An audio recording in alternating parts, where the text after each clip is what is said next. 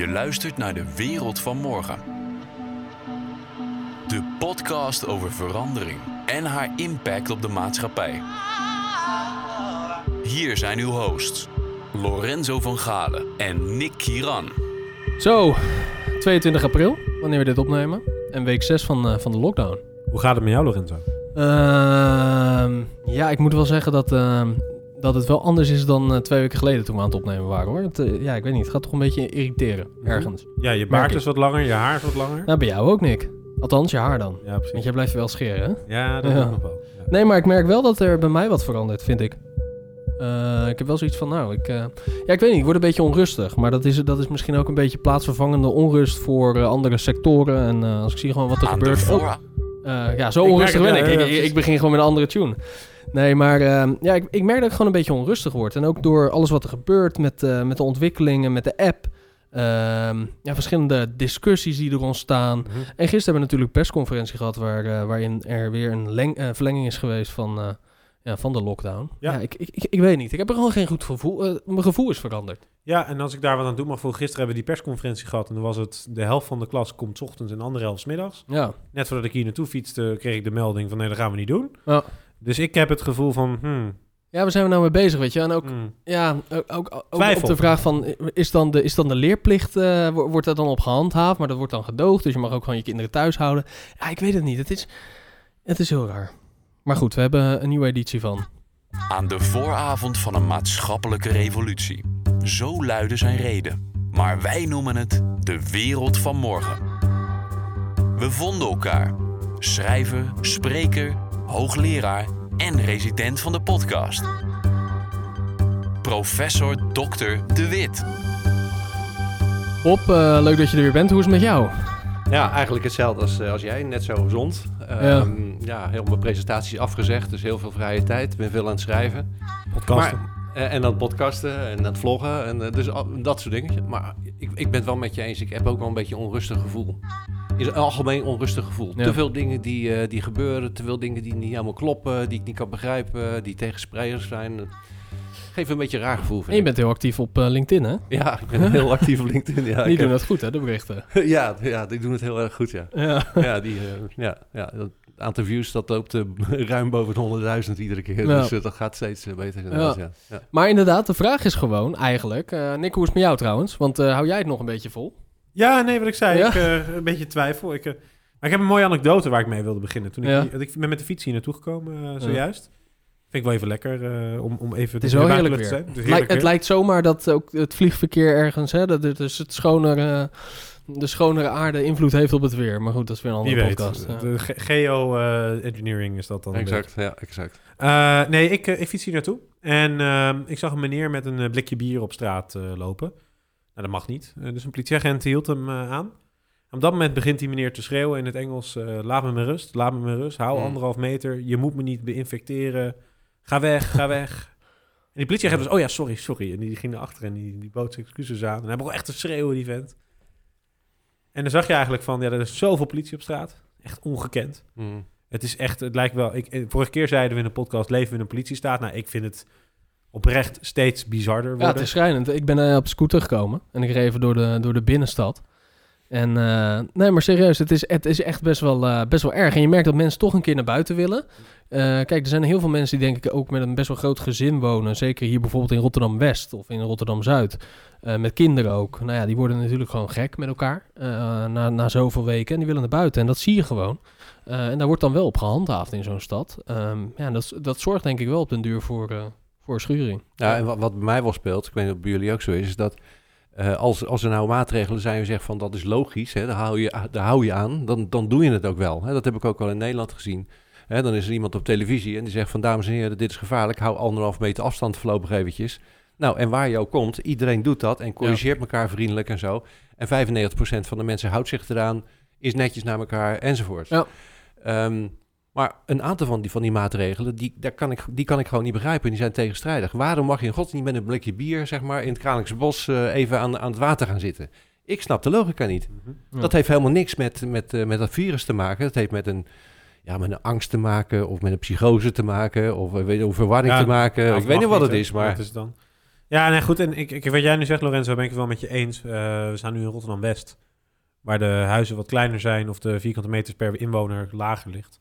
Ja. En laten we ook wel niet vergeten dat deze hele crisis, even los van wat we ervan vinden, natuurlijk veel harder eh, de lager eh, inkomensgroepen raakt dan de hoge inkomensgroepen over het algemeen. Absoluut. Dat Ja. zijn de groepen die in de horeca werken. Dat zijn de groepen die in de contactberoepen zitten. Dat zijn de groepen die op dit moment geen werk hebben.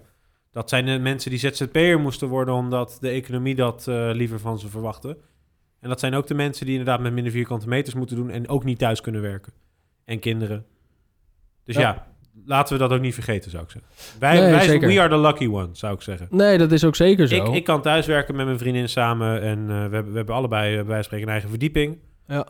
En eh, ja, nu staan we dan hier in de podcast, maar dat kon ook eh, digitaal. Ik, ik, eh, ik, ik, ik, ik, ik denk dat ik heel veel geluk heb tijdens deze crisis. Nee, maar je hebt inderdaad gelijk. En je ziet ook mensen die, die hard geraakt worden, die raken ook in, in een emotie. Die, die, gaan, die gaan dat soort dingen doen. En als die groep te groot wordt, nou wordt het toch erg onrustig, denk ik hoor. Precies. Nou, maar we zien in andere landen een andere aanpak. Bijvoorbeeld Zweden. Ehm, ehm, Alexander Schimmelpenning, de... de, de, de Sander Schimmel. Of, eh, de Sander twee door Schimmelpenning. elkaar. Ja, Ja, Schimmel, ja.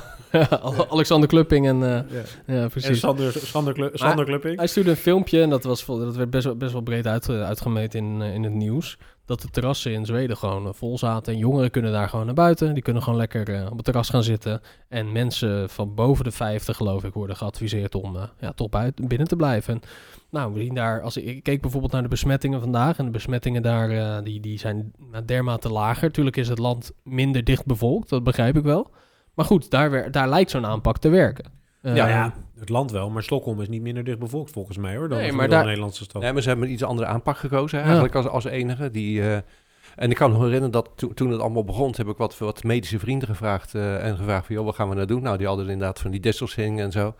Ik zeg, en waarom doe je dan niet mensen die kwetsbaar zijn, hè, eh, die isoleren en, en daarmee doen? Nee, dat bleek niet de goede manier te zijn. Nou, ehm, dat is ook nog een keer drie, drie weken geduurd. Maar dat is eigenlijk wel wat ze in Zweden gedaan hebben. Ja. Ze hebben gelijk gezegd van, dat zijn de kwetsbare groepen, daar gaan we zo mee om. Ja. En voor de rest gaan we rustig aan doen. Hou een beetje afstand en laten we normaal doen. Ja. En dat blijkt het beste te werken. Ja, nou ja, kijk, dat, dat zou eigenlijk ook nog wel... Ik had dat ook wel bij, eh, bij Nederland verwacht. eh, want eh, ja, uiteindelijk, wij noemden het dan een soft lockdown. In onze vorige softe lockdown. Intelligente lockdown. Of sorry, de, de intelligente soft lockdown geeft er een naam aan. ehm, eh, die, die we zo in onze vorige podcast benoemden. Ehm, maar goed, uiteindelijk zitten we al gewoon zes weken thuis. En eh, eh, is de horeca potdicht. Is Maar de- weet zijn je- alle evenementen ah, afgelast tot 1 september. Dus het hele culturele jaar is, is, is, eh, is weg. Het hele sportjaar is weg. E- Even één stapje terug. Ja. Weet je nog aan het begin dat er gezegd werd van we moeten het, hè, we moeten het op deze manier gaan aanpakken. Waarom? Er gaan zoveel mensen, naar verwacht gaan er zoveel mensen gaan er, eh, naar het ziekenhuis toe, naar, die, naar de IC. Eh, en er gaan zoveel mensen dood. De capaciteit is er niet. Weet je nog dat, dat die angst werd gezaaid van Ja. stel je voor. En er komen allemaal mensen komen aan die liggen in de gang en die kunnen niet geholpen worden. Dat is, Ja. Weet je, dat, daar ging het om. Flatten the curve was het. Flatten the Ja. curve. Nu zitten we zover dat we al de helft van de IC-capaciteit nodig hebben. Ja. Dan zou je verwachten, nou, hè, dat hebben we goed gemanaged. Dames en heren, hè, hè, gefeliciteerd, dat is gelukt. Dus we gaan het normaal doen. Ja. Nee hoor, Nee, wordt gewoon het- nog een maand verlengd. Nee, nu is het Nou, nu gaan we we zijn ook- bang voor de tweede of de derde golf. Nou, of het gaat om de 14-urige werkshifts in de zorg. En alle respect naar de mensen in de zorg Nee, dat- natuurlijk. dat, dat blijft. Maar dat blijft. Eh, ik bedoel, dan heeft, dan heeft de, de, het kabinet Rutte de afgelopen eh, tien jaar, acht jaar niet moeten bezuinigen op de zorg. Maar de reden dat we het hierover hebben is niet zozeer omdat wij dit nu per se vinden of naar de wereld willen brengen. Volgens mij zei Sander Schimmelpenning dit met een reden. En volgens mij was er iemand anders die ook zoiets zei en hebben we daar een audioclip van. Kansen hebt. Maar dat dat waardeer ik zeer, maar dit, dit zijn twee totaal verschillende discussies. Kijk, ik zeg niet dat wij oudere mensen die, eh, die corona krijgen niet zouden moeten behandelen. Die moeten we heel erg behandelen. Alleen er komt een moment, en dat is een discussie die... Kijk, over drie weken gaat iedereen deze discussie voeren. Ik ben er gewoon te vroeg mee. Maar er komt gewoon een discussie waarbij we op een gegeven moment gaan zeggen... hoe gaan we gecontroleerd die economie weer laten lopen? Dat betekent niet dat ik mensen dood wil maken. Begrijp even goed zeg. En dat- je- dat- dat is dus wat je met zo'n Twitter-discussie krijgt. krijgt dat alsof ik nu ineens bejaarden zou willen gaan. Maar ik is ben benieuwd. Jort, ik ben Ik echt... wil bedrijven redden. Dat ja, lijkt dus belangrijk. ben heel even... Is dit drie weken geleden? Het is 3 april, dus eh, het is nu 22 april, dus bijna drie weken geleden. De discussie eh, is nog niet echt eh, op gang gekomen in de Kamer. Misschien is dat nog te vroeg, Maar, maar... wij hebben het er nu ook over, maar misschien zijn wij heel... eh, Ja, maar Jort is toen echt in het wereldnieuws geweest. Die- In de UK is erover geschreven, eh, in, in Amerika, dat dit, dat, dat dit echt niet kon. Nou, misschien was het toen ook misschien wat te vroeg en wat George ongenu- Basement from the Netherlands. Ja, iets te ongenuanceerd. Eh, misschien, maar je weet hoe scherp hij kan zijn. Maar als je kijkt naar de kern, zit er natuurlijk wel ehm, ja, iets in. Ja. Op. Nou ja, destijds, wat, eh, vlak daarna had ook eh, eh, Follow the Money een artikel over geschreven. Huh. Dat je het eigenlijk, waar je mee bezig bent, heeft te maken met het aantal verloren levensjaren. Hè? Dat, da- daar wordt in gemeten dan op dat moment. Ehm, en ehm, ja, steeds meer komen er alternatieve gevolgen van, van, deze, van deze crisis die je eigenlijk op de balans moet zetten. En het klinkt heel asociaal als je zegt van ja, het is een, het is een kwestie van hè, afwegen van hè, voor- en nadelen van de verschillende aanpakken. En je moet een beetje water bij wijn doen. Ja, en misschien kan er dan een aantal, aantal dingen gebeuren. Maar dat is altijd zo. Ik bedoel, ehm, je kunt ook zeggen van er zijn eh, weer vandaag eh, 20 auto-ongelukken gebeurd. Er zijn eh 23 mensen overleden. We gaan niet meer auto rijden. Ja. Dan zeg je nee, nee, nee, dat moeten we niet doen. We dat een risico nemen we wel. Dat risico nemen we wel. Hm. Maar dat, dat is eigenlijk dezelfde Ja. afweging Ja, die je maakt. Ik vind het alleen heel moeilijk, want ik heb ook dit soort statistieken gezien. Hè? Dus dat ik zag van, eh, ja, als je nu onder de, de risicogroep bent, is de kans groter dat je aan iets anders overlijdt als je naar buiten loopt gewoon. Hoger dan wanneer je aan corona zou kunnen overlijden. Ja. Maar ik weet niet of het waar is. Ik weet het niet. Nee, maar wat, wat ik bedoel te zeggen is dat eh, zo langzamerhand, hè, na zoveel weken, eh, komen er zeg maar andere effecten komen er voor terug. Er komt een tegenbeweging Eh, de- ja, maar je, je Ja. krijgt ook ondernemers die gaan failliet, hè, kappers die gaan failliet, horeca Ja. gaat failliet. Er zijn al de, een aantal zelfmoorden zijn er, zijn er gebeurd. Je krijgt eh, depressies, je krijgt mensen die komen in de bijstand, die komen in de armoede, die komen... eh, er komen al, aan de andere Mhm. kant van de balans komen er allerlei Ja. eh, tegengeluiden. En er komt een keer een moment dat je moet afwegen van wat, hè, hoe ver wil je er eigenlijk in gaan. Net als met die maar er verkeersongelukken. zijn heel veel dingen die er gebeuren. Hè? Want huiselijk geweld staat op een ongekend Ja. hoogtepunt op het moment. Nou, bijvoorbeeld. Ja, en logisch, hè, zou ik haast zeggen. Althans logisch, in de zin van, het is een logisch gevolg van de situatie. Ja, nou, dat, dat zijn dus de, de coronadoden aan de andere kant, Ja. hè, zeg ik dan maar. Hè. Dus, eh, eh, maar, Nou, je- maar die gaan ook gebeuren. Aan het ne- is eigenlijk een neveneffect, maar ook, dat kan ook dodelijk Ja, zijn. Nou Maar- ja, Jort had, eh, had het erover. Wat doen we als straks de economische IC eh, vol ligt? Eh, dat, vond ik wel, ja, dat vond ik wel sterk. Eh, er zijn schattingen natuurlijk gedaan voor hoeveel bedrijven er failliet gaan. Nou, in de horeca was dat een schatting voordat de lockdown verlengd is gisteren. 1 op de 7. Ja. Eh, dat heb ik nu aangepast naar 1 op de 4, 1 op de, op de 3. 1 op de 4 horeca? Ja. Of 1 op de 3, dat is echt Ja. bizar. ja, Ja. dat is echt bizar. Dat is echt, nee, maar dat is echt belachelijk veel. Is dat echt ja, zo? Ja, en ook in travel en eh, de, de, zeg maar de meest geraakte eh, sectoren. Maar dat zijn nog niet eens enorm voorraadhoudende Ja, maar organisaties. Dus, dus dat is nog Nick, vind ik helemaal bizar. Stel je voor, je, je hebt een strandtent. Hè? We, hebben, we hebben gezien van die gasten met die strandtent. Die kregen geen hulp omdat ze in januari, de maand januari, dus de maand zeg maar, die normaal was, geen omzet hebben gedraaid. Dat is meestal aan de strand, denk ik. Nee, daarom, maar die, die, die worden niet geholpen. En die hebben, die hebben letterlijk al eh, acht weken 0 euro omzet, maar wel kosten. Ja. En ja, dat is gewoon dodelijk. Nou, en dat is dus de economische kant. Hè? Dus Ja. ook, ook daar komen ook Maar dat is de ondernemer. Maar de mensen die daar werken hebben ook geen geld. Die hebben geen baan. Hetzelfde. Ja, die dus zijn je- klaar. Ja, dus de ondernemers, je hebt ook de werknemers. Hè? Dat is een eh, belangrijk, eh, belangrijk gevolg ervan. Maar het heeft ook gevolgen voor ja, de, de manier waarop onze maatschappij inricht. Hè? Dus je, je krijgt dus echte ondernemers, hè? kappers en, en horeca-ondernemers en zo. eh, die gaan failliet. Maar ook wij. Ik bedoel, Ja. je voelt zelf al die onrust. Dat heb ik zelf ook. Je, bent toch niet op deze aarde om eh, anderhalve meter in elkaar te gaan lopen. En ik bedoel, het moet toch ook, je moet het een beetje leuk maken. En dus het is echt wel een afweging van heel veel verschillende factoren. En wat ik eigenlijk eh, mis in, de, in dat hele debat is dat tot op vandaag nog steeds dat, dat, dat, medische, dat medische gedeelte, zeg maar, en, en, en, en zeg maar een bepaalde groep, zeg maar, mensen waar we het over hebben, met, en, en ook de, de zorgmensen, belangrijk allemaal, hè, dat wil ik echt niet in die weg poetsen. Maar het is een breder vraagstuk. En dat, die afweging tussen al die factoren of zo, die wordt nog steeds niet gemaakt. Daar verbaas ik me over. Maar denk je dat, eh, want wat George zei, eh, nou, dit, ik ben drie weken te vroeg. Denk je ook dat we, eh, dat we eigenlijk gewoon aan het wachten zijn totdat de, Op die discussie. ja, totdat de, de publieke opinie verschuift? Dus dat Ja. we inderdaad verschuiven naar, oké, we hebben het, hoe lang houden we het nog vol? Ja, of de eerste- tot 20 mei. Of de eerste politicus die het lef heeft om eh, deze vraag te stellen in Ja. de Kamer. Ja, nou, Is, gaat dat een kantelpunt zijn, denk je? Bob? Ja, nou, als je nou kijkt naar de scholen bijvoorbeeld. ehm, eigenlijk was dat het sluiten van scholen hè, op basis van de kennis van dat virus eigenlijk niet zo logisch. Want die kinderen die kunnen misschien wel vatbaar zijn, maar eigenlijk hè, eh, eh, kunnen ze, eh, echt, echt risico lopen ze niet. Ja, dan maken ze hele grote stappen. En op een gegeven moment zeggen ze, ja, die kinderen, we kunnen ze nog niet meer binnenhouden. We kunnen niet meer dit en dat en dat. En zeggen ze, nou, we gaan de scholen maar weer open doen. Het kwam mij een beetje opportunistisch over, Ja, wat ik trouwens ook daarover vind, ik, ik wil niet zeggen dat het een verkeerde beslissing was, want ik vind de beste stuurman staat aan wal en ik ben niet, eh, ik ben niet onderdeel van de, wat is het, outbreak management team. Maar je doet de scholen dicht, de kinderen moeten naar huis, die komen bij de ouders. Ouders worden ermee eh, ja, belast, want die hebben ook werk, et cetera. Dus wat doen die ouders waarschijnlijk? Er is ook geen BSO, dus die denken, ja, even een PMA. Mhm. Want die kinderen moeten even opgepast worden. Ik moet ook mijn werk doen. Anders valt mijn bedrijf ook om, bijvoorbeeld. Oftewel, dan komen die kinderen alsnog in aanraking met die risicogroepen. Dus wat dat betreft lijkt het me dat de beslissing om de scholen dicht te gooien... eigenlijk mogelijk, als je terugredeneert, misschien averechts kan, kan werken. Ja, dat, dat zou best kunnen. Ja. Dat, dat En dat- vermoed ik. En die accountability, even los als zo... Stel dat het zo is, dat er echt dat soort fouten zijn gemaakt. Wie vertelt die fouten straks? Wie stelt die vraag? Nou ja, Rutte heeft zich al ingedekt en die heeft gezegd... in, in crisistijd maak je fouten. Ja, dat is hartstikke mooi, maar, maar zijn grote te- de oppositieleiders... die zijn eigenlijk al gestopt, want die zagen... ja, Ja. als we er tegenin gaan, dat werkt niet... dan heb ik de publieke opinie tegen me. Nee, maar het is, nu ook niet, het is nu ook niet de tijd om natuurlijk politiek te scoren. Dus dat begrijp ik ook wel. Nou, ik begrijp het niet. Het, is, het begint eh, ja. op het moment dat het de publieke opinie omslaat... dan wordt dat wel de tijd om te gaan Tuurlijk, scoren. dan kan je want dan wil je de tegengeluiden gaan horen. Maar wat jij nu zegt, daar, eh, daar zijn ze nu al na- naar aan het kijken. Dat eigenlijk het sluiten van de scholen helemaal geen impact heeft, op, eh, heeft gehad om op die curve te flatten. Maar denken, jullie, Maar maar denken niet. jullie dat we straks... we hebben het nu de hele tijd over de maatregelen, et cetera... kan er een soort... dat we de, naar de, even over de curve... over- we zijn aan de, aan- nu aan de top van de berg... en dat we er heel snel weer afrollen met, eh, met tegenwerpingen. Dat zou natuurlijk heel goed kunnen. Ik zeg niet dat ik het ermee eens ben. hè. Ik zeg ook niet dat ik vind dat er heel veel fouten zijn gemaakt. Ik zeg alleen meer... ik denk dat er meer vragen gaan komen nu... dan dat er wordt geluisterd naar antwoorden. Ja, nou, en wat ook wel vervelend is, is dat eh, journalisten, die, eh, die krijgen geen antwoorden meer op een aantal vragen. Dan zeggen ze, ja we, Ja. we zitten nu in een situatie, we hebben te druk en zo, en eh, we gaan geen antwoorden Ja.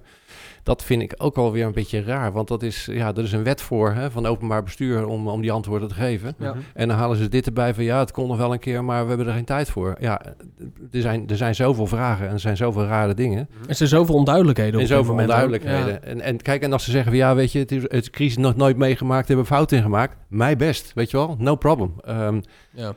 Maar wees er wel open in en, en laat me elkaar in, in debat gaan en zo. En wat je nu ziet is een soort, ja, een soort mobiliseren van een tegenbeweging. Hè? Dat, hoe- oh ja, op een gegeven moment moet je wel en dan, dan mobiliseer je een tegenbeweging. En op een gegeven moment hou je het niet, niet meer in de hand. Ik vind het onverstandig hoor. Ja, ik heb de vragen van eh niet gezien.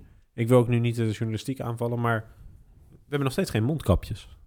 Nee, goed, nou, ja, dat is natuurlijk ook een, eh, een hot topic geweest de afgelopen dagen. Van ja, wa- waarom hebben wij nog, eh, waarvoor gaan wij niet die, eh, die economie opengooien? En inderdaad, laat de kappers werken met een mondkapje op. Laat die zelf dat, die verantwoordelijkheid geven. Faciliteer die met een mogelijkheid om die voor een goedkope prijs aan te schaffen. Of geef die eh, voor mij part gratis. En dan wordt er steeds gezegd dat er geen capaciteit is en dat daar, dat daar niet de voorraden voor zijn. Terwijl zo in Spanje bij het OV eh, gratis mondkapjes uitdelen. Ja, in Duitsland is het zojuist verplicht vanmiddag... Ja. om eh, mondkapjes te dragen Ja, in OV. oké. Dat is vanmiddag Ja? besloten, ja. Dus ja, ik, ik, vind het, ik, ik, ik zie om me heen... In Nederland zeggen we... Ja, we weten niet zeker of een mondkapje de oplossing is. Terwijl in andere landen zeggen... Nou, misschien weten we dat niet zeker... maar laten we het nou maar gewoon doen. Want wat kost nou een mondkapje? En ik vind het ook nu grappig... Ben ik het wel- nu ben maar ik mijn wel- ouders beginnen nu... Hè, mijn ouders zijn echt van, is nog van de generatie van... ik geloof in wat, wat als het op tv is, is het waar. Ja. Maar die waren dat zat. Die hebben gewoon 50 mondkapjes besteld. Maar mijn moeder die heeft een eigen bedrijf. Die importeert veel uit China. En die heeft gewoon de leverancier gezegd... Ja, ik Ja. weet dat jij niet van de mondkapjes bent... maar kun je ze leveren? En die zeiden ja. Ja, die, die zijn daar genoeg. En toen, zei, en toen, toen, heeft de leverancier gezegd... ik stuur het gratis naar je. Want ik, eh, je bent een waardevolle klant voor me. En die heeft, er zijn nu 50 eh, mondkapjes Ja. onderweg. En mijn vader die zegt... ik kom ze van de week even brengen. Het is ook niet zo moeilijk Ik om aan een ik mondkapje mo- te komen. ik- Nee, maar ik zeg niet dat ik mondkapjes nodig heb. Ik zeg alleen meer van ja... als je al ziet dat... eh, als mijn vader ergens een graadmeter is... ik vind het bijzonder dat, dat zo'n ja, maar instemmer persoon ineens tot actie overgaat. ook daar is weer zoveel on- onduidelijkheid over. Want waarom doet ons buurland Duitsland dat wel? Precies. Eh, en waarom is het dan bij ons allemaal zo'n moeilijke discussie? En ja, er is geen voorraad. Waarvoor wordt daar dan niet Dus als je eerlijk nu over met de gedaan? trein naar Duitsland gaat, kan dat niet, want je hebt geen mondkapje op. En als je met de trein naar België wilt, kan het überhaupt niet, want de grens is dicht. Ja. Maar wij kunnen hier wel met z'n allen in één trein zitten. Nou, laat, laten we in ieder geval concluderen dat, eh, dat we niet voorbereid waren. Ja, dat is toch bijzonder, ja. En er wordt dus ook niet geopereerd op een, op een Europees niveau. Want het is eigenlijk iedereen voor zich. Dat, eh, dat kunnen we ook concluderen uit, eh, uit, uit deze crisis. En dat, eh, dat zegt ook wel wat. Maar ik vind, het, ik vind het heel vreemd. En er wordt dan steeds gezegd, ja, die zijn nodig in de zorg. En ik begrijp het ook, want ik zie soms hier mensen op straat en zitten op de fiets met een mondkapje op. Ja, volgens mij kan je dan heel lastig besmet raken als je, als je met 15 km per uur... Ja, eh, we aan het mondkapje hebben niet om besmet te raken, maar om anderen te besmetten. Ja, maar ik weet dat heel veel mensen gebruiken zo'n mondkapje niet op de juiste manier. Dus dan kan je je afvragen hoe, hoe ehm, ja, effectief is zo'n Nou mondkapje. ja, waar mensen kan- een beetje bang voor zijn, is ik heb een mondkapje op, dus ik ben ineens helemaal veilig exact. op. Dat Dus dit, is- dit geeft wel een soort van schijnveiligheid. Schijnveiligheid, ja. En dat, dat werd ook in de Kamer aangegeven. En daar ben ik het ook 100% mee eens. Eh, maar ik denk, Bob, wat jij zei, als je, de, als je verantwoordelijkheid bij mensen legt. Wat er nu al gebeurt, hè? mensen gaan met een grote boog om je heen. Er staan waspunten bij, bij supermarkten waar je je handen kan wassen als je buiten komt. Nou, Ja. hartstikke goed. Ja, prima. Stickers zijn geplakt, eh, er, er, er zijn schermen opgehangen. Ik, ik vind het ongelooflijk hoe gedisciplineerd werken eh, mensen zijn. Als je naar de Ja. supermarkt gaat, hoe mensen zich gedragen en zo. ja, Ja, nou, zit, nou zit ik in een betere buurt van Rotterdam. Misschien helpt dat wel. Maar als je ziet hoe gedisciplineerd mensen zijn... en hoe net, Ja. netjes ze dat doen... hoe ze elkaar corrigeren en aardig zijn en zo... denk van, vertel de mensen nou wat er aan de hand is. Wees consistent en mensen pakken het zelf op. Eh, en, eh, eh, en, ja, en dat gebeurt gewoon Hoe kan je nou niet de verantwoordelijkheid bij een kapper leggen die al hè, zijn eigen zaak heeft om handschoentjes aan te doen en een mondkapje te dragen en daar gewoon mensen te knippen Ja. als dat kan? Ja, precies. En ik vind ook dat inderdaad heel veel mensen doen het goed. En er zijn een aantal die doen het niet goed. En dan hoor je heel de tijd op de NOS en waar dan ook. Er zijn boetes uitgedeeld. Dan denk ik, ja. Maar ja, als jij in een huis zit met tien mensen, hè, bijvoorbeeld studentenwoning, dan is het niet toegestaan om met die tien mensen in het park te gaan zitten. Maar je mag wel in hetzelfde huis wonen. En dit zijn van die dingen dat ik denk van ja, dan kom je wel aan die boetes. Ja. En het zal niet betekenen, er zullen heus wel boetes zijn, maar dat zijn, ik denk echt dat de mensen die de boetes krijgen, dat zijn de kinderen die gewoon gek worden van hun ouders. Die denken, ik ga lekker naar buiten, ik ga een paar eh, wat vrienden opzoeken. Ik bedoel, eh, ik ben niet eens een risicogroep. En die- gaan we nu bekeuringen geven. En ik had toevallig, nou, ik had net over vader, maar ik heb ook mijn oma aan de telefoon gehad. Die zegt, ja, het is vooral de jeugd waar we bang voor moeten zijn, want die verzieken het. En ik zeg, hoe kom je daar nou bij? Ze zegt, ja, ik ben al zes weken niet buiten geweest. Ik zeg, nou, precies. Ik zeg, ja, en het is gewoon angst. Het is gewoon angst. En dan, Ja. hoor, je, dan hoor je twee en, dan, en de headlines zijn heel selectief. En dan, ja, dan, dan krijg je een situatie. Ja. Nou, het is, het is heel veel angst voor een risico... wat, ehm, nou ja, een stuk minder groot is dan wat Ja. mensen gezegd hebben. en Dus, gisteren eh, eh, ja, eh, hamert Rutte dan weer op van de volksgezondheid gaat voor de economie. Eh, maar goed, ja, wanneer gaan we die afweging maken? Wanneer gaan we de afweging maken van oké, we moeten nu een keuze gaan maken. We, we gaan bepaalde sectoren rustig open, openzetten. Of we gaan kijken hoe dat gaat. Of blijven we, ja, blijven we op, de, op de volksgezondheid zitten? Want hoe groot is... eh, kijk, de economie heeft natuurlijk ook te maken met de volksgezondheid. Want we hadden het voor de podcast over. Wat gebeurt er met mensen die thuis komen te zitten? Die geldproblemen hebben, eh, psychologische problemen. Opa en oma die hun kleinkinderen niet meer kunnen zien. eh, mantelzorgers die niet meer langs kunnen. Noem Opa en oma die overlijden en graag toch een Ja. afscheid willen. Het heeft, eh, het heeft natuurlijk ja, vergevorderde Maar ik denk ook niet dat wij hier nu staan met z'n drieën om te zeggen dat de dingen per se fout zijn of wat ook. Nee, we zeggen gewoon, we zien om ons heen dingen gebeuren. We zien in Duitsland zien we mondkapjes, in België zien we lockdown, in Spanje zien we lockdown. In Nederland zien we wat minder. En we twijfelen gewoon aan wat de juiste beslissingen zijn. En we hebben gewoon niet de informatie om de juiste beslissing kunnen, te, Nee. te kunnen nemen. En we horen ook elke keer iets anders. Scholen dicht, scholen open. Maar goed, we hebben wel een middel nodig. Om te kijken of we, of we vooruit kunnen. Heb je wat te vertellen dan? ik, heb, ik heb wat te vertellen, ja. Ja. Eh, nou, we zijn heel erg zoekende naar middel. En eh, dat is eigenlijk sinds de vorige podcast ehm, ja, ontzettend ontwikkeld. Er, zijn, eh, er is een appeton geweest. Heel, een hele hippe term. Ik wil trouwens even mijn afschuw uitspreken over die term. Ja? Het is niet het moment om leuke termen te gaan verzinnen. Nee, dat ben ik met je eens. Maar appeton, zo hebben ze het ook ja, daadwerkelijk genoemd. Zo zouden ze het alleen maar bij de overheid noemen. ja, ehm, nou, er is in ieder geval heel veel gebeurd, maar er is nog geen app. Ehm, en daar wil ik het heel graag over hebben, want we hebben het in de vorige podcast natuurlijk al over die app gehad. En nu is dat eigenlijk heel concreet gemaakt en er, zijn, er is heel veel over gesproken. Eh, heel veel eh, verslag over gedaan. Eh, de media heeft er heel veel aandacht aan besteed ook, wat heel goed is. De discussie is echt op gang gekomen. En de jongen, de, de, de, minister heeft eigenlijk gezegd... ik ga eh 20 mei ga ik pas een beslissing nemen of we het wel of niet gaan doen. En dat zou hij eigenlijk gisteren doen natuurlijk, maar dat kwam geen goede app uit. Eh, dus het is weer uitgesteld. Zullen we Eh, even beginnen met de Appeton? Is dat dan oké? Ja, zeker. Heb jij het gezien, Bob? De, nou, Nou, ik heb, niet, maar nou, ik heb niet naar gekeken, maar ik heb het wel uiteraard gevolgd, ja. Wat vond jij ervan? Van hoe dat proces is gegaan en wat eruit kwam? Nou, ik vond het een heel merkwaardig eh, proces, moet ik je zeggen. Ehm, als je, er zijn heel veel factoren die, die toch wel een beetje, een beetje merkwaardig zijn. Eh, het- er wordt gezegd het moet, het moet vrijwillig zijn. Hè? Dat was de insteek. Ik denk van nou, vrijwillig. Ehm, dan is maar even de vraag eh, of, het, eh, of het gaat werken. Dan neem je nog de technische gedeelte, maar dat, eh, daar gaan we zo meteen wel over, over hebben. Zeker. Maar als je dat dan doet, neem dan een proces. Hè, dan nodig je heel veel partijen uit. Dan ga je heel snel naar zeven toe. En die hebben dan een paar dagen de tijd. En na een paar dagen tijd zeggen ze, nou, alle zeven worden afgezweerd. We gaan er zelf wel eentje maken. Ja. Nou, zo'n proces heb ik nog nooit gezien. Nee, nee, en wat ik het interessant vind als we hem even ontleden, inderdaad, wat jij zegt, ben ik het helemaal met je eens. Dus eerst worden de zeven geselecteerd. En de mensen die niet geselecteerd zijn, daarvan is, is er een conglomeraat of een, een groep van wetenschappers die zeggen, ja, dan trekken we onze handen vanaf. Want als wij jullie adviseren, nodig deze uit, jullie nodigen een hele andere uit. Ja, waarom doen we het dan? Ja, inderdaad. Ja, dus er was een, groep van, van mensen die, eh, die als ja, als, als, als groep werd, eh, werd als een expertgroep werd gevraagd om daar, eh, om daar iets over te zeggen. En wat die experts zeggen is wat anders dan wat, wat, wat dan uiteindelijk gekozen wordt. Ja, wat doe je dan als expert? Ik, ik heb er zelf ook een paar keer meegemaakt dat ik gevraagd werd, ben ik ook weggelopen. Merkwaardige manier om daarmee om te gaan. Dus die experts zeggen, ja, als zo gaat, dan hoeft het mij niet. Dus dat, ja, als je een, als je een complotdenker bent, zou je bijna denken dat, eh, dat er een, een bedoeling achter zit. Want Ja. eh, het is een heel merkwaardig proces. Ja, en dat en inderdaad ook als je tweede stap zegt, dus en vervolgens worden dus ook alle zeven afgeserveerd. Maar als we even naar die alle zeven kijken, er was ook al een datalek, geloof ik. Heb jij daar een fragment van, Lorenzo? Nou, toevallig. Belangrijke primeur kwam van jouzelf, Daniel. Je hebt een eh, datalek ontdekt bij een van de kandidaten, de COVID-19 Alert. Was je verbaasd? Eh, Ja, d- d- het is natuurlijk bij zo'n app dat dat helemaal niet zou mogen voorkomen. Het was ook een beetje. Het, datalex lag dus niet aan de tracking-app zelf. Het was dus gebouwd door iemand die ook apps bouwt voor anderen. Hè? Eh, Dat is gewoon een, op de, een werknemer van een bedrijf. En die had dus data van een van die andere apps die hij had gebouwd, per ongeluk nog, van 200 mensen, in die app nog ge- gezet. En die had hij mee geüpload. Maar wat, waar ik meer van schrok, was dat er bijvoorbeeld in die app ook de mogelijkheid was... als jij die app installeerde op je telefoon... dan stuurde die jouw locatiegegevens mee. Iets wat absoluut niet zou mogen. En dan zeiden ze, ja, dat is een foutje. We hebben ons gebaseerd op een app hiervoor. eh, eh, en dat staat er nog in, dat moeten we nog aanpassen. Dat komt wel goed. Nou, dit is een, een, voorbeeld van de haast die hierbij hoort. En dit is heel typerend. Bij ook dat belangrijke zaken. Precies. In de presentatie van deze Ja. app ging er ook nog wat fout, geloof ik. Toen eh, werd er gezegd, ja, stoppen, stoppen en eh is iets fout, noem maar op. Je hoorde overigens eh, Daniel Verlaan, En, de tekstjournalist van de RTL. Ja. En dat, dat, zoiets was er aan de hand. Ik weet niet precies, moet je Daniel Verlaan maar volgende kan je het vast wel vinden, dat fragment. Vervolgens stelt de meneer die dan die... Oh, want het was heel erg... Iedereen roemde de Appeton om de openheid en noem maar op. En dat er ook een... Ja. Er was ook iemand van het ministerie was ook alles aan elkaar aan het praten. Die gaat vervolgens naar die partij waarbij die data, waarbij dat datalek is. Die stelt hem de vraag, hoe gaat het? En dan zegt, ja, het gaat hartstikke goed. En eh, we zijn gewoon op, op koers en we doen het hartstikke prima. Geen kritisch woord komt er terug. Als je dan zo open bent bij die Appeton, waarom staat er dan geen onafhankelijk journalist zoals Daniel Verlaan daar? Bijvoorbeeld. Hè, ik zeg niet dat hij het moet zijn, maar gewoon iemand die met kennis van zaken de juiste vraag stelt. Ja, gebeurt niet. Nee. Dus ik, dat is Nou, dus het tweede punt van de Appleton waarvan Ja. ik zelf zat. Zoiets van, oké. En dan het derde punt inderdaad. Ze zijn allemaal afgekeurd.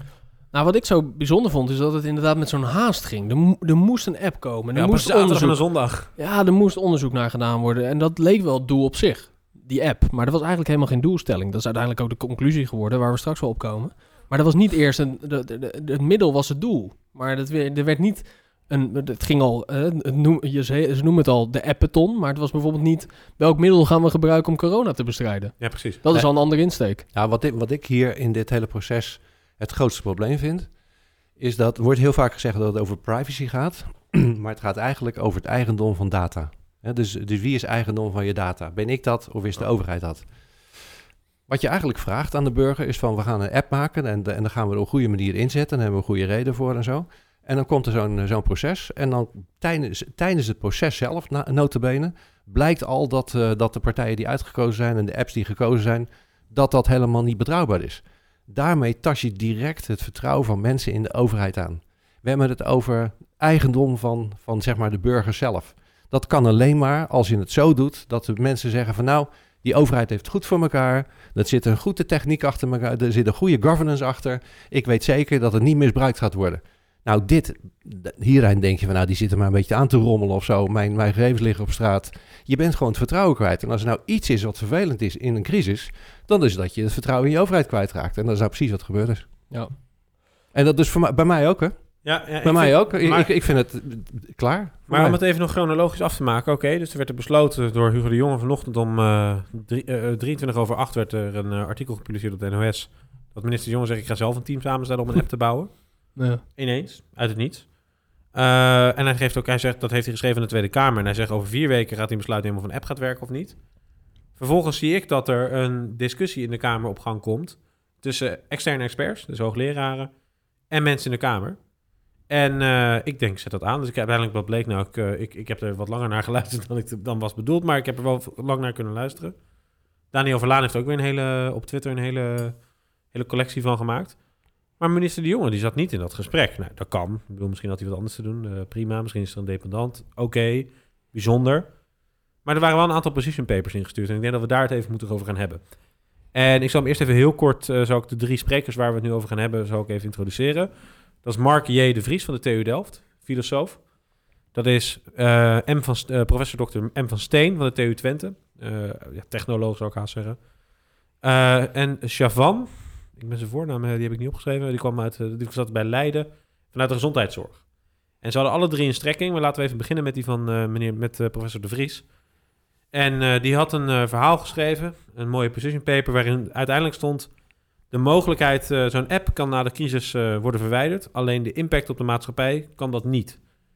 En eigenlijk wat hij zegt is dat technologie heeft een neiging om een eenrichtingsverkeer te betreffen. En dat je dus moet afvragen of de langetermijn effecten daarvan meer wegen dan de korte termijn oplossing die het mogelijk of misschien ook niet kan bieden. Want het, op het moment dat we dit hebben gedaan, hebben we een stukje vrijheid weggegeven. Die wordt ingevuld, ook door commerciële partijen. Die vervolgens eh, een nieuw normaal creëren. Dat heb jij ook vorige keer gezegd, Bob. Ja, ja. Eh, en hij zegt bij zoals elke technologie die je inzet, kan er twee kanten op gaan. Het kan een goede kant op gaan. Maar het kan ook zeker een onwenselijke kant op gaan. Ja, en als de kans op die onwenselijke kant te groot is, dan moet je het toch gewoon niet doen. En dat zat ook een Zo beetje in simpel. zijn verhaal Ja, eigenlijk. hè? dat is zijn verhaal. Ja. Ja, precies. En dat is ook terecht. En ik vond het een... eh, het position paper zal ik... eh, nou, die kan je vinden als je Markje de Vries... eh Ja. Position paper zoekt. Maar die, die zou ik zeker aanraden om te lezen. Twee A4'tjes. En ik merkte dat de mensen in, die, in dat debat... Dus die politici die daar zaten... Die waren daar... Het voelde alsof ze er heel vatbaar voor waren. Ik zal de namen en rugnummers niet noemen... Want die weet ik niet uit mijn hoofd. Maar iedereen die daar zat had echt het... ik had het idee dat ze dachten van... Ja, hier zit wat in. Dat was ook een filosoof. Dus die man zei ook... Hij had nog humor ook. Hij zei... Ja, u moet mij geen vragen stellen, want dat is mijn werk, zeg maar. Daar kwam het een beetje op neer. Hij zei van, ja, wij filosofen zijn meer geneigd om vragen te stellen dan om antwoorden te geven. Maar ik, eh, ik vond het verhaal van die man, eh, eh, van die hoogleraar, ik echt houtsnijden. Ja, maar toch even over de afwezigheid van, van de minister. Daar zitten dus de volksvertegenwoordigers, toch? Ja, dus mogen we uitgaan, dat zijn wij, hè? dat zijn het volk. Dan heb je de, de deskundigen die er iets over willen zeggen. Die hebben dan een gesprek met elkaar. En de minister zegt, ik ga toch wel even mijn eigen app maken. Ik weet niet wie het is, wij weten niet wie het is of zo, maar het zijn in ieder geval niet in, in, dat, eh, in dat gremium. Ja. En, en als de experts worden uitgegaan, dan lopen ze weg omdat ze niet goed behandeld worden. Ja, Ja, dat Weet je, eh, eh, en, en, en als er dan een kleine kans is op een, met een groot effect, hè, dat, het, dat het fout gaat, ja, dan moet je dit soort risico's gewoon niet willen lopen. Mhm. Ja. Nee, absoluut. Nee, dat, ja, ik had toch meer het idee dat het ook gewoon... Het is meer toetsen. Ik had een beetje het idee dat het meer een toets was van... Oké, wat, wat gebeurt er op het moment dat we zeggen dat we een app gaan maken? Nou, dat, Eh. dat antwoord heeft de jongen vanochtend gegeven. Er komt een speciale taskforce van wetenschappers die onderzoekt of de app ongewenst maatschappelijk gedrag kan veroorzaken. Bijvoorbeeld dat mensen zich risicovoller gaan gedragen. Of dat werkgevers of bedrijven hun werknemers of klanten verplichten de Exact. app te laten installeren. Om dit laatste tegen te gaan, denkt de jongen aan een wettelijk verbod. van? Van de app of eh, dat het op niet wat? gebruikt mag worden door, eh, eh, door bedrijven? Punt. Geen het, idee. Het is allemaal zo Dit de vaag. Een wettelijk verbod. Ja, een wettelijk verbod. Op wat dan? Ja. Op die app die die gaat maken? Ik snap er niks van.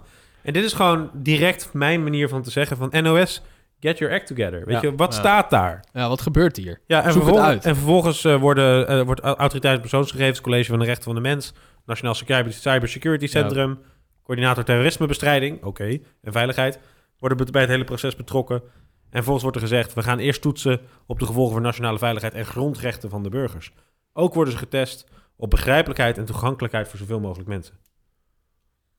Oké, Ja, ja, oké, prima. En dan vervolgens is dus die hele discussie met die experts. Ik neem aan dat als ze daar zitten, dat ze ook onderdeel zijn van die taskforce. ja, maar, Of heb je dan ineens andere experts? ja, maar het lijkt er ook wel eens op, naast, naast gezondheidszorg, hè, dus gezondheid van mensen, wat, wat je eigenlijk niet ter discussie mag stellen, hè, want dat, dat is te gevoelig. Hè, want dat is, eh, Ja. Daarnaast wordt eh, ingebracht eh, de veiligheid. Vorige keer hadden we het toch ook over, het, over privacy en over data, van, data-eigendom. En dat er een balans was tussen, tussen veiligheid enerzijds en, en zeg maar privacy en, en anderzijds.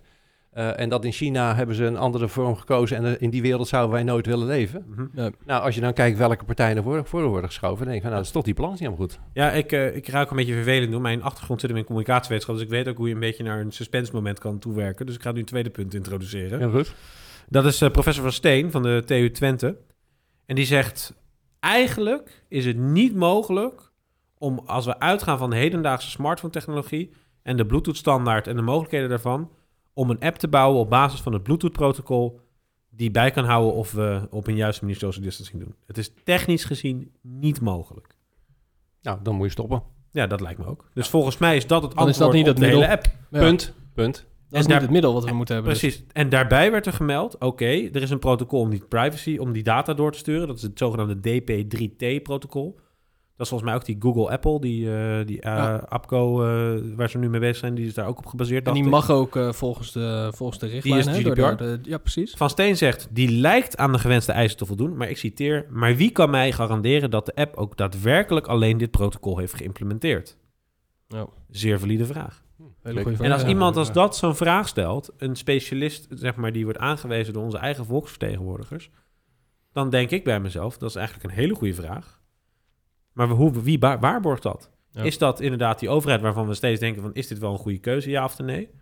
Hè, om zo'n app te kiezen, is het het juiste middel? Is het niet het juiste middel? Is het het middel het doel of is het doel het middel, zeg maar? En dan ga ik er nog eentje over opdoen. en Dat is Javan, de, de medicus. En dan denk ik dat we het cirkeltje rond hebben.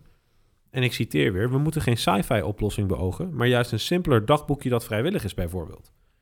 Dit klinkt misschien een beetje stom, zegt hij. Hij zegt, hij zegt eigenlijk van ja, dat klinkt een beetje knullig in de, in de oren van als we het over apps hebben. Hij zegt, maar dit is minstens net zo onbetrouwbaar, zegt hij. ja. Hij zegt, het past alleen veel beter in onze cultuur en in onze normen en waarden. Wij zijn geen land zoals Korea. Wij zijn geen land zoals Singapore. En daar voegde hij aan toe. Hij zegt, en als we nu, en daar wil ik nog aan toevoegen, als we nu iets wanstaltigs gaan introduceren, en eigenlijk zat daar een beetje een gevoel in van dat, hij zei bijna, en dat is, dat lijkt zo. En er komt dus ruis op de lijn en het verdoet het verminderen van het vertrouwen in de overheid, dan gaat dit de zorg meer in de weg staan dan dat het ons helpt. En hij zegt erachteraan, ik pleit, niet alleen als wetenschapper, maar ook als huisarts, want hij is huisarts, voor een simpel population health management systeem, goede voorlichting, heel snel. Dat is realistischer. Op dit moment hebben we al een app die heet COVID Radar. Die, heeft, eh, die is vrijwillig. Die heeft al een miljoen data entries, 200.000 gebruikers.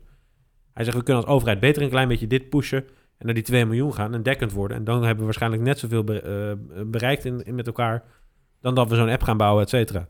En dan kunnen we het ook vandaag doen. En dan hoeven we niet vier weken te wachten. En dan kunnen we de dokter helpen in plaats van in de weg staan. Hij zegt, ik geloof er niet meer in. Nou, ma- mag ik even een, een wetenschappelijk eh, Hij is, perspectief eh, erop geven? hij is trouwens eh, ehm, eh, hoofdsectie wetenschappelijk onderzoek en hoogleraar bij, eh, eh, bij Leids Universitair Medisch Centrum. Ja, dank je. Maar eh, even een wetenschappelijk perspectief, een organisatieperspectief eh, maken. Je kunt op twee manieren een organisatie aan, eh, zeg maar een groep mensen of een organisatie eh, of een maatschappij aansturen. Dat is ofwel top-down, hè, dus je hebt een baas en die zegt eh, en iedereen luistert. Hè, dat is het Korea waar je het over hebt, Ja. in China. Ehm, nou, dat bete- bete- ja, betekent dat je je, orga- je je maatschappij op een bepaalde manier opbouwt, en je op een bepaalde manier instructies geeft en, en mensen luisteren dan ook, dat zijn ze gewend. Of je doet meer bottom-up. Dan ga je de, zeg maar, de mensen ga je informeren, die ga je in, in gang zetten. Dat is dan swarm, hè, het, zwermen, hè, dat is vogels. Dat is niet één baas, maar je gaat het onderling afstemmen. Ehm, en als je een top-down benadering maakt, terwijl de maatschappij meer bottom-up georganiseerd is, dan krijg je een mismatch. En wat mij opvalt is dat al de, de dingen die werken, hè, zo bij de supermarkts, eh, de adviezen die worden gegeven, ook vanuit de medisch circuit, is allemaal zwermgedachte, hè, dus de bottom-up gedachte. En eigenlijk alles wat zij doen eh, is, eh, is top-down. Lijkt wel of ze een ander perspectief op onze maatschappij aan het Dus ontwikkelen zijn. dus eigenlijk wat je zegt is, de, de, de, de, oplos, of de vragen die we hebben gesteld als overheid aan de mensen van hou afstand, et cetera, dat doen we. Ja. De, de curve wordt geflattend, komma, maar we willen alsnog een app. Ja, Dat dan maar- weer, en- wat dan die andere filosofie is, zeg maar. Ja, en dan weer top-down. Hè? Dus, Ja, dus eh, wij, Ja. wij gaan die app bepalen, want wij weten hoe het moet zijn. Kijk, die andere zijn allemaal mislukt. En trouwens, al die experts, die zetten we even terzijde. Ja. Dus, dus de maatschappij, inclusief alle experts, die worden eigenlijk opzij gezet van wij weten het beter. En we gaan er op dit moment gaan we Ja. top-down onze maatschappij aan het sturen. Ja. En dat Ja. is denk ik ook die onrust die bij mij heerst op dit moment. Ja. Is dat er nu bij de overheid een dusdanig, ehm, ja, dusdanig groot, groot, ja, grote macht ligt. Het nieuwe normaal noemt Rutte het. Waarbij we in de eerste keer dat Rutte zei van nou, we gaan even op slot en we kijken hoe het daarna gaat. Gaat het dan goed? Hè, daar kwam het eigenlijk op neer, dan, eh, dan, hè, dan gaan we weer open. Ja. Maar nu is het dus weer een verlenging, gisteren geweest, van exact wat er daarna is gebeurd. Maar hoe vaak kunnen we dat blijven doen? En dat bepaalt nu de overheid. Nou, het opvallende is namelijk dat eh, in het begin, misschien weet je het nog met, eh, met Rutte, die, eh, die ging die voor de televisie staan, dames en heren, die ging daar staan en zo. Ja. En toen zei iedereen van, nou, dat is goed, want als er een, eh, als er een crisis aanbreekt, ja, dan moeten we niet met z'n allen gaan lopen praten en eh, gaan overleggen of zo. Dan moet er gewoon iemand zijn, dus, dames en heren, er is een crisis en we gaan het aanpakken. Ja. Dus dat is zo'n moment om te zeggen van, nou, luister, er is een crisis, er moet iets snel gebeuren, want anders liggen al die lijken in de, in de, in de, in de gangen van, de- van de ziekenhuizen. Ja. Dat willen we niet, nee, dat willen we niet. Dames en heren, eh, we gaan het sowieso doen. Nou, dan zie je, oké, eh, sound good. Maar daar zitten we niet in. We zitten er niet meer in. Dus En, en het lijkt wel of, of, eh, of er dus vanuit de overheid gewoon eigenlijk diezelfde manier... Er is nog steeds een grote crisis hoor. Ja. En dat moet aan ons overgelaten worden. Wij gaan jullie eh, vertellen hoe het moet gaan. En steeds meer gaat het vertrouwen Maar mag weg. Mag Ja. je een vraag stellen, Bob? Ja, Gewoon ja. vanuit mijn begrip. Zeg je eigenlijk dat er een catastrofale mismatch lijkt te ontstaan tussen de huidige realiteit en de maatregelen die mogelijk aanstaande zijn? Is dat wat je zegt? Ja, ja, dat zou je kunnen zeggen. Ja. Kijk, je hebt ook, bedrijf, eh, even in andere organisaties. Je zit in een, in een redelijk stabiele omgeving waarin dingen evolutionair verlopen. Nou, dat vraagt een bepaald soort leiderschap. Ja? Dan komt er plotseling een economische crisis of zo. Ja, dan is de leider van zo'n stabiele organisatie eigenlijk niet geschikt. Want je hebt een crisismanager nodig. Die moet je vervangen door iemand die zegt van ta da da en, en die eh, legt lijnen. Komt het daarna weer gewoon, dan heb je weer een andere leider nodig. Dus je moet altijd een match tussen de context, zeg maar, en de wijze op je organisatie aanstuurt. Nou, hier is een aanleiding geweest voor een crisis. Vervolgens zie je dat de politici gaan gedragen van... nou, wij zijn hier de baas van de crisis. Ik zou eens even laten zien. Hè. We gaan historie schrijven hier. Ja. Eh, nou, prima, dan is dat gelukt. Hè? Want die, eh, ja, inderdaad, we hebben geen duizend bedden meer nodig, hè, de IC's. Dus zou je kunnen zeggen van, nou, we gaan weer back to normaal. En zij blijven in die top-down crisismode hangen. Van, we hebben nog steeds een crisis. Ja. eh, En dames en heren, ik ga een app en ik bepaal wel hoe het er in elkaar zit en zo. Ja. Dus, en, en ik denk dat ze het ook wel goed bedoelen. Ik denk dat ze gewoon leiderschap willen tonen en, en dat soort dingen. Alleen ik denk dat er gewoon een mismatch is tussen eh, ja, wat er nu nodig is en wat, wat er gedaan moet worden. En de manier waarop het opgepakt wordt. Ik denk dat het Ja. gewoon een, een mismatch is. Ja, ik, ik- denk dat Rutte het in Korea pri- prima zou doen op dit moment. Noord of Zuid? Wat jij wil. Wel gek. Eh, ik wil heel even naar een fragment van... eh, Overigens van de ja. jongen meer dan Rutte. Ja. De jongen gedraagt zich meer Koreaans dan Rutte. Ja. Ja, vind je- maar mag ik voordat je dat fragment Ja. instart, Lorenzo, Mhm. om even nog even kort op samen te vatten voor mijn begrip, hè, want misschien mis ik iets, maar Ja. ik hoor, ik, ik heb vandaag veel geluisterd, gelezen en noem maar op. Eh, ik hoop dat veel meer mensen dat doen. Ik hoor een hoogleraar filosofie en technologische impact op de maatschappij zeggen, ik weet nog niet wat de specifieke titel is vanuit de TU Delft. Wees heel voorzichtig, Ja. want de, de, de, kans, eigenlijk wat hij een beetje insinueert is, de kans bestaat gewoon dat, er, dat, dat we veel meer weggooien dan dat we opleveren. Zeker. Vervolgens hoor ik een hoogleraar die gespecialiseerd is in de technologie. Ja. Die eigenlijk gewoon zegt, jongens, dit kan helemaal niet. Hè? Gewoon plat, dit moeten we niet doen. Hij zegt, dit moeten we niet willen. En hij heeft ook nog vraagtekens bij, de privacy stuk, bij het privacy stuk. Daarna hoor ik een huisarts slash hoogleraar Leids, medische, Leids Universitair Medisch Centrum. En die zegt, jullie gaan, als jullie dit zo gaan doen, ten eerste heel veel kapot maken en de dokters in de weg lopen. En vervolgens staat er een hoogleraar nu letterlijk tegenover me, de, de, de Bobcast, dat, Ja. is de jij, dat zeg jij. Vanuit leiderschapsstijl is dit een totale mismatch. Ja. Dus vier invalshoeken Ja. vanuit vier totaal verschillende disciplines, Ja. die allemaal alle, op zichzelf staande valide redenen hebben om te zeggen we doen het niet. En de minister zegt, ik ga zelf een team samenstellen en ik maak over vier weken Ja. wel of geen app. Ja. Nou, ik snap er niks meer van. Nou ja, ja er, zit een, er zit een spanning in. En, en ja, eigenlijk zou ik twee dingen... Ja, je, heeft filosofie. Ik, ik weet ook niet hoe het zit, maar als je een beetje filosofeert hoe het kan, hoe het kan zitten. Nou, één is van iemand die vindt het wel mooi om op het podium te staan. En daar is de held, eh, hè, de, de, het land uit de crisis te halen. En die, eh, die vindt het wel, eh, wel prima zo.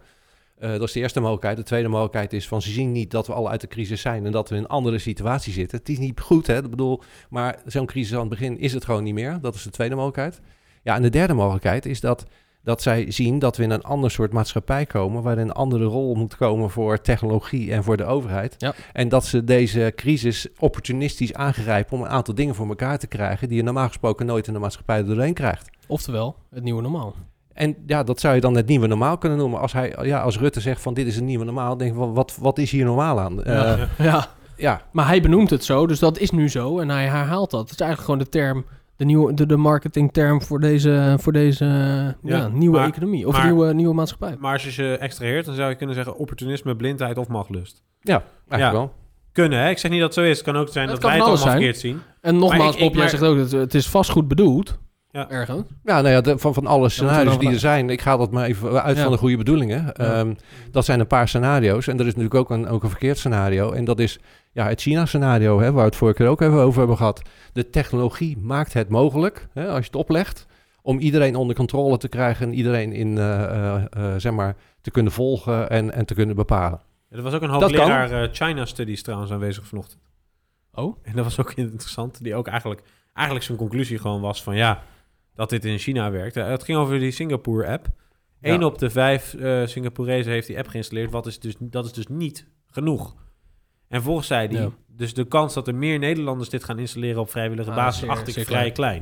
Nou, ik heb de cijfers van, eh, van, van hoeveel mensen er... Want dat, dat zat ook in dat, in dat debat. Eh 80% van de Nederlanders heeft een smartphone. Dus dat is drie op de vier. Die zouden dus de app potentieel kunnen gebruiken. 60% was het doel, toch trouwens? Ja, nou, eh, ja de DigiD-app wordt door 60% van de Nederlanders gebruikt. Nou ja, die is min of meer natuurlijk gewoon verplicht. Want als, ja, als je Dus, bij... dus de installatiebase hebben we al, oké. Ja, dat is ja. gewoon een updateje. Ja, pre- ja, Ja. precies. Nou ja, ik Dat bedoel, zijn als 10 we het miljoen over- mensen. Ik bedoel, nee, hebben de als we, infrastructuur. nee, maar als we, als we het heel makkelijk willen, eh, als we het heel makkelijk willen beantwoorden, als het wettelijk verplicht wordt, dan is het gewoon klik en update, automatische update staat bij iedereen aan volgens mij.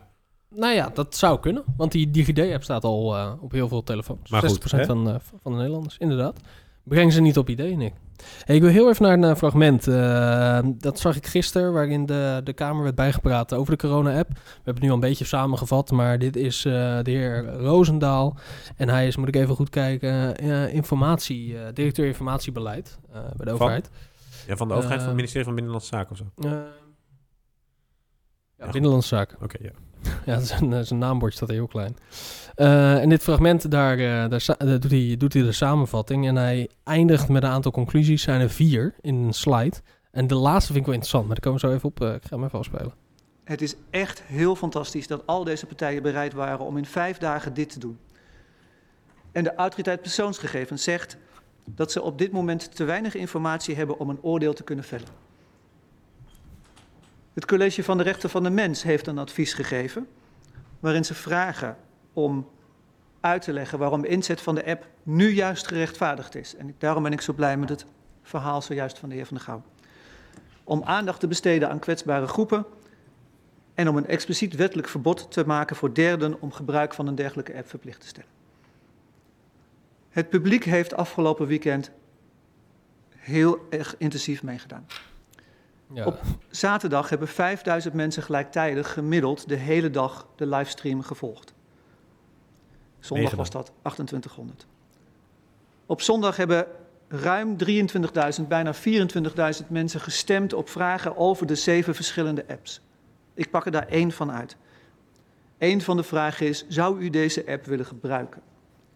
relevante vraag. Afhankelijk van de app was het antwoord van het publiek ja in 50, 52 tot 70 procent van de gevallen. En gelijktijdig met de appathon heeft de Gezondheidsraad op ons verzoek een debat, online debat, gezien de huidige situatie gevoerd met meer dan 30 wetenschappers. Daarover is een samenvatting gepubliceerd op de website, inclusief de lijst van, de indrukwekkende lijst van wetenschappers die bereid waren om op zondagmiddag daar het gesprek over te voeren. En heeft de Gezondheidsraad een samenvatting van dat gesprek gisteravond online gemaakt. Dan is de conclusie, de slotconclusie, dat geen van de getoonde apps ver Ja, genoeg was om te voldoen aan de door Nederland gestelde eisen. Maar de slotconclusie is ook dat we nu wel beter weten wat ons te doen staat. En dat zijn wat ons betreft vier opdrachten aan onszelf. En de eerste, en ik ben blij met de toezegging zojuist van de heer Van der Gouw dat dat deze week gebeurt.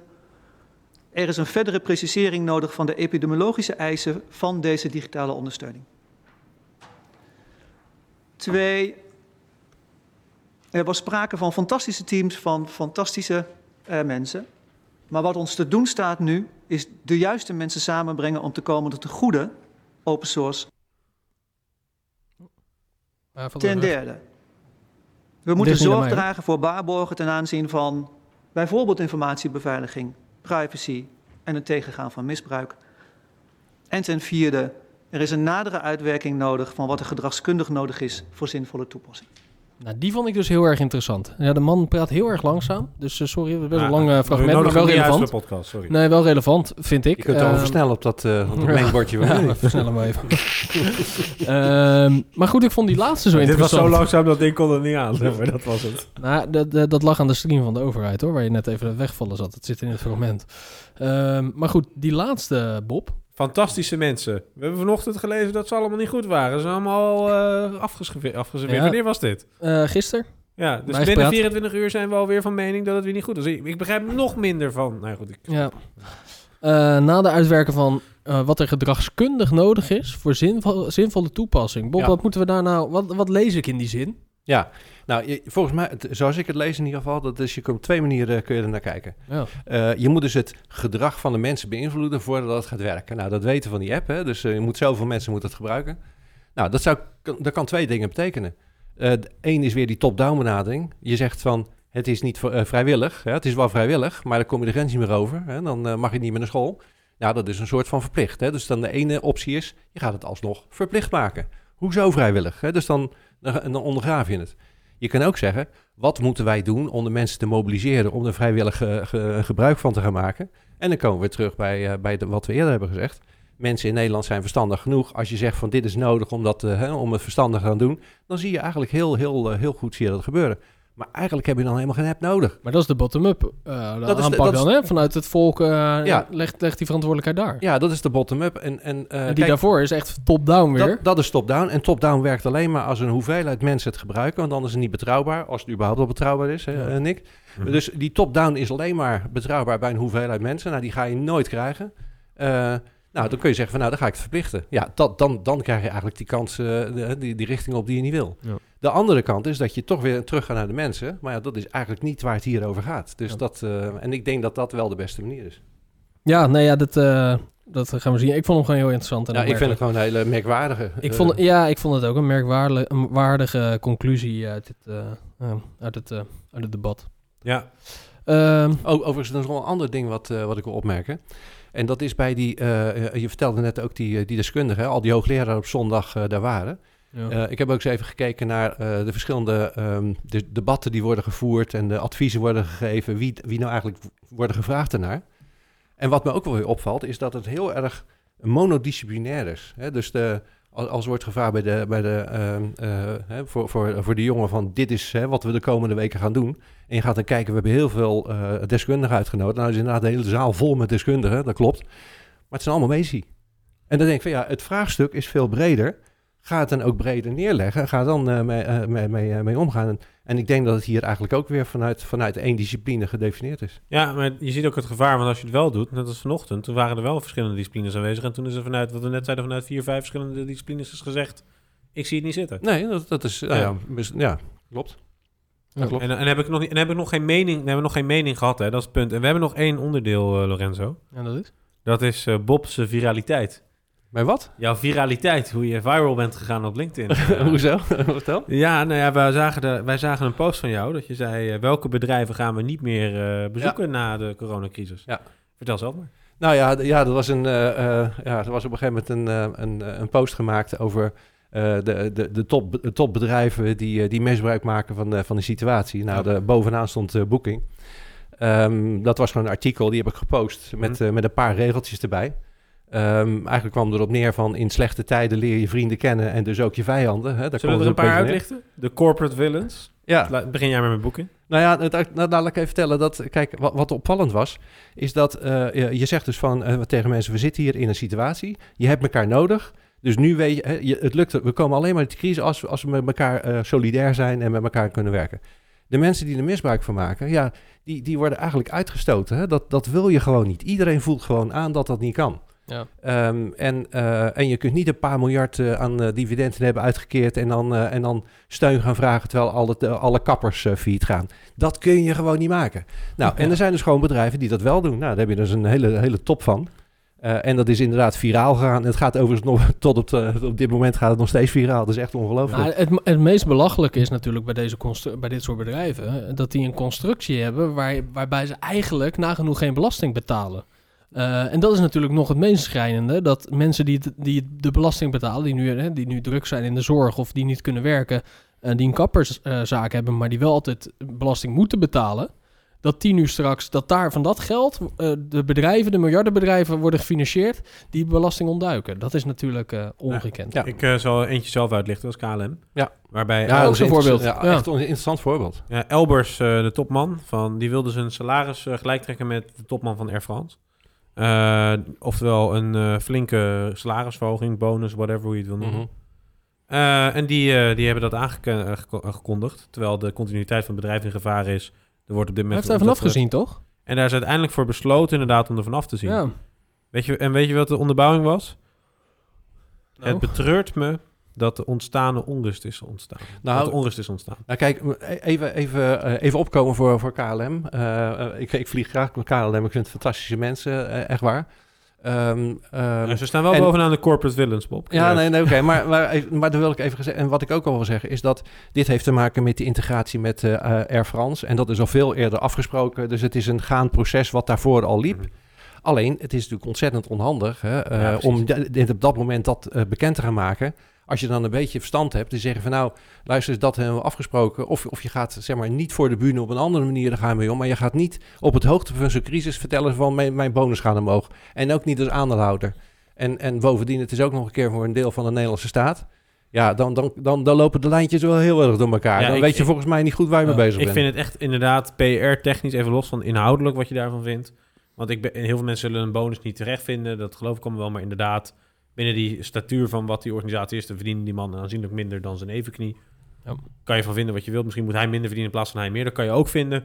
Maar inderdaad, op Ja. dit moment, dan, dan Ja, en dan komt je? Ja, en er komt nog bij dat eh, heel veel van die bedrijven die op dat rijtje staan, eh, dat zijn van die, eh, van die, van die, ja, van de, van de, van de foute kapitalisme, hè? Van, van die mensen die leverage hebben en, en, Ja. en zeg maar, ja, belastingparadijsjes opzoeken en, en aandelen inkopen. Ik bedoel, alle trucs halen ze uit de kast. Hè? Dat Ja. zijn de meeste van die bedrijven. Ehm, daar, nou, daarvan is volgens mij al vo- volstrekt duidelijk, dat moet je niet doen, eh, kappen ermee.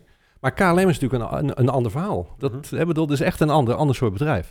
Het is echt een kwestie van, van een slechte timing eh, om dat te gaan doen.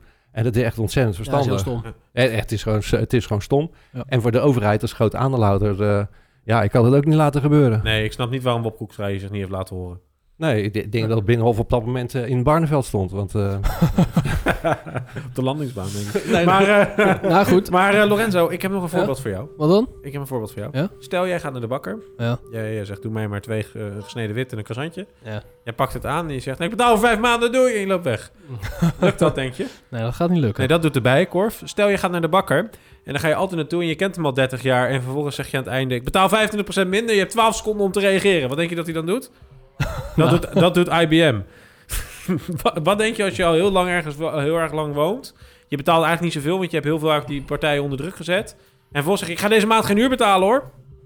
Dat doen bijna alle retailbedrijven, zoals Douglas en noem het allemaal op. Ja? Wat denk je wat er gebeurt als je zegt... ja, ik ben een beetje een fout merk... en ik ga nu op... ik krijg nog de corona-teringleier eh, op mijn shirtje printen... die ga ik vervolgens verkopen. Een helft van de winst hou ik zelf... en de andere helft stuur ik zogenaamd naar het Ja. Rode Kruis. Maar mag, ik, mag, mag ik er weer Ja. mijn pers- wetenschappelijk perspectief op, Ja, opgeven? zeker. Kijk, eh, we zitten ook al... een heel structurele ontwikkeling is dat. Vroeger had je eh, eh, zeg maar een, een, eh, een economisch model... wat gebaseerd was op het belang van de aandeelhouder. Hè? Dus dat heette aandeelhoudersperspectief, hè? aandeelhouderswaardeperspectief. Je ziet, hè, er moest alleen een, een, een jaarverslag komen voor de aandeelhouders. Ja. Je zag al een tijdje, hè, dat is al een tijdje gaande, dat ze zeggen van nou, maar het, die bedrijven zijn niet alleen maar voor die aandeelhouders, maar het is ook een maatschappelijk perspectief. Dus je ziet al dat er iets van zo, je moet ook een maatschappelijk jaarverslag gaan maken. Je ziet al dat maatschappelijke perspectief terugkomen. Hè. Dat, dat, wordt, dat is een structurele trend. En wat die bedrijven nou niet doorhebben, is dat we, hè, dat deze crisis, die zet iets in gang wat versnelt. En die versnelling betekent dat bedrijven meer maatschappelijke waarde moeten creëren en niet alleen maar aandeelhouderswaarde. En hier zitten dus oude kapitalisten. Die snappen dus niet dat we in een andere wereld zitten. Die snappen niet dat ze een maatschappelijke rol hebben. En als er nou één moment is om te laten zien dat je een maatschappelijke waarde hebt en je verantwoordelijkheid voelt, dan is het nu. En deze bedrijven die hebben het gewoon gemist. Net als die, eh, net als KLM heeft gemist het moment van dit is niet het moment om dat te zeggen.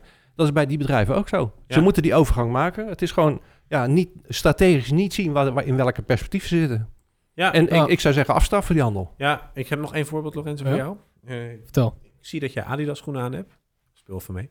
Ja, Eh, wist jij dat dat merk... Ja, Ik ook. ja jij Ja, ook. Ik ik ook. ook, Ja. Het is toevallig allemaal niet waar. Ja. Ehm, dus een eh, Duitse steunmaatregel gekomen Ja. om kleine ondernemers te helpen Ja. met het uitstel van betaling van de huur.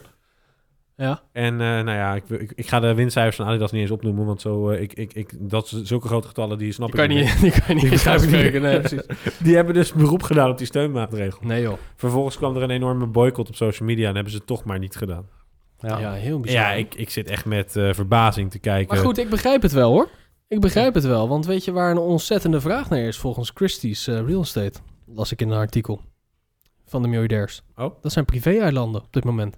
Is Ja. een ontzettende vraag naar, eh, naar privé-eilanden bij de allerrijksten. Want die willen ja, die willen geïsoleerd zitten en die willen, die willen dat eh, voor als het echt fout gaat hebben. Dus Dan ik heb begrijp nog, het Dan wel. heb ik nog een mooi voorbeeld. van Nee, dat is voor de gezondheid. Ze willen in quarantaine. Ja, Ja. nou, op een Dat eh, zijn oude mannen, dus die moeten in quarantaine. Ze hebben Ja. een eilandje Oh, nodig. Ik heb nog Nee, een mooi voorbeeld. Dat was ook de reden van Richard Branson waarom hij steunmaatregelen nodig had, gaf hij aan. Omdat hij zijn eiland net had gekocht. Ja, en hij moet ook volgebouwd worden. Ja, zo simpel is dat. Nee, Ja, maar die- ik las dat dus. ik heb John de Mol trouwens ook nog wel af. Eh, die zei, ja, ik, ik wees blij, die zei letterlijk, eh, wees blij als je baan over twee, maand nog twee nog bestaat. Eh, en die, eh, ja, die, die zit te ki- kijken of, of ze... eh, of, hij heeft letterlijk tegen zijn medewerkers gezegd van... we gaan, wij koersen af op draconische maatregelen. Ja, maar luister, er zit, iedereen zit toch thuis? Die kijkt toch tv? Er, kunnen toch, er kan dan toch... eh, de, de, de kijkerscijfers zijn dan toch hoger? En dan kun je toch meer reclame verkopen? En je kan er ook online meer dingen doen? Of zie ik, dat nou helemaal een- verkeerd? Precies, maar ik heb ook nog een leuke grap om mee af te sluiten van Ja. Hunkemuller. Nou, zal ik hem dan maar instarten? Precies. ze hebben in 2018 een omzet gemaakt van 603 miljoen euro. Eh, ze zeggen nu dat ze gebukt gaan onder de druk van hun private equity. Oftewel, leveranciers en verhuurders mogen 30 dagen langer op hun geld wachten dan gebruikelijk. De financieel directeur Michael Hitchcock maakte er nog een grapje van. Het is een rental payment holiday. Nou, nou. Ja, Laten we met die treurige woorden. ja het is schijnend. Ehm, Ik, ga, ik, ik, ik kom zelf niet meer bij de Hunkemuller, denk ik. nee? Is dat gewaagd of niet? Wat heb je nu aan van ze? Daarover gesproken. Nou goed, volgens mij is het tijd om, eh, om deze eh, coronacast af te gaan sluiten. Ik vond, ehm, ja, ik vond het weer interessant. Ik, ehm, ja, ik, ik ben benieuwd hoe het ontwikkelt. Ik ben benieuwd wat we over vier weken krijgen van, eh, van onze Rot- Rotterdammer, hè, de jongen. Ehm, laten we daarna weer een podcast doen, want dat lijkt me heel interessant. Dan kunnen we het eh, samenvatten en dan kunnen we kijken wat er, eh, wat er gebeurd is. Ehm, Ja, er zijn zoveel dingen gaande. Dat, eh, dat is, ligt echt voor de hand om, om dat nog wat te maken. Ja. Het hele economische model moet opnieuw opgebouwd worden. Om eens iets te noemen. Absoluut. Dus we hebben genoeg onderwerpen. We hebben natuurlijk ook nog straks de exit-strategie, wat ze daarmee gaan doen en de, en de verschillende fases. Dus ja, we kunnen er genoeg over doen, maar volgens mij heel interessant. En vind je dit nou leuk? Laat natuurlijk even een review achter. Belangrijk voor de algoritmes. Eh, like, share, eh, noem maar, maar op. Heb je ideeën, input? Eh, stuur het gewoon op. Dan kunnen we dat meenemen. Belangrijk. Bob, mag ik je bedanken. Jullie ook bedankt. Was weer heel fijn. Tot de volgende Tot podcast. de volgende keer.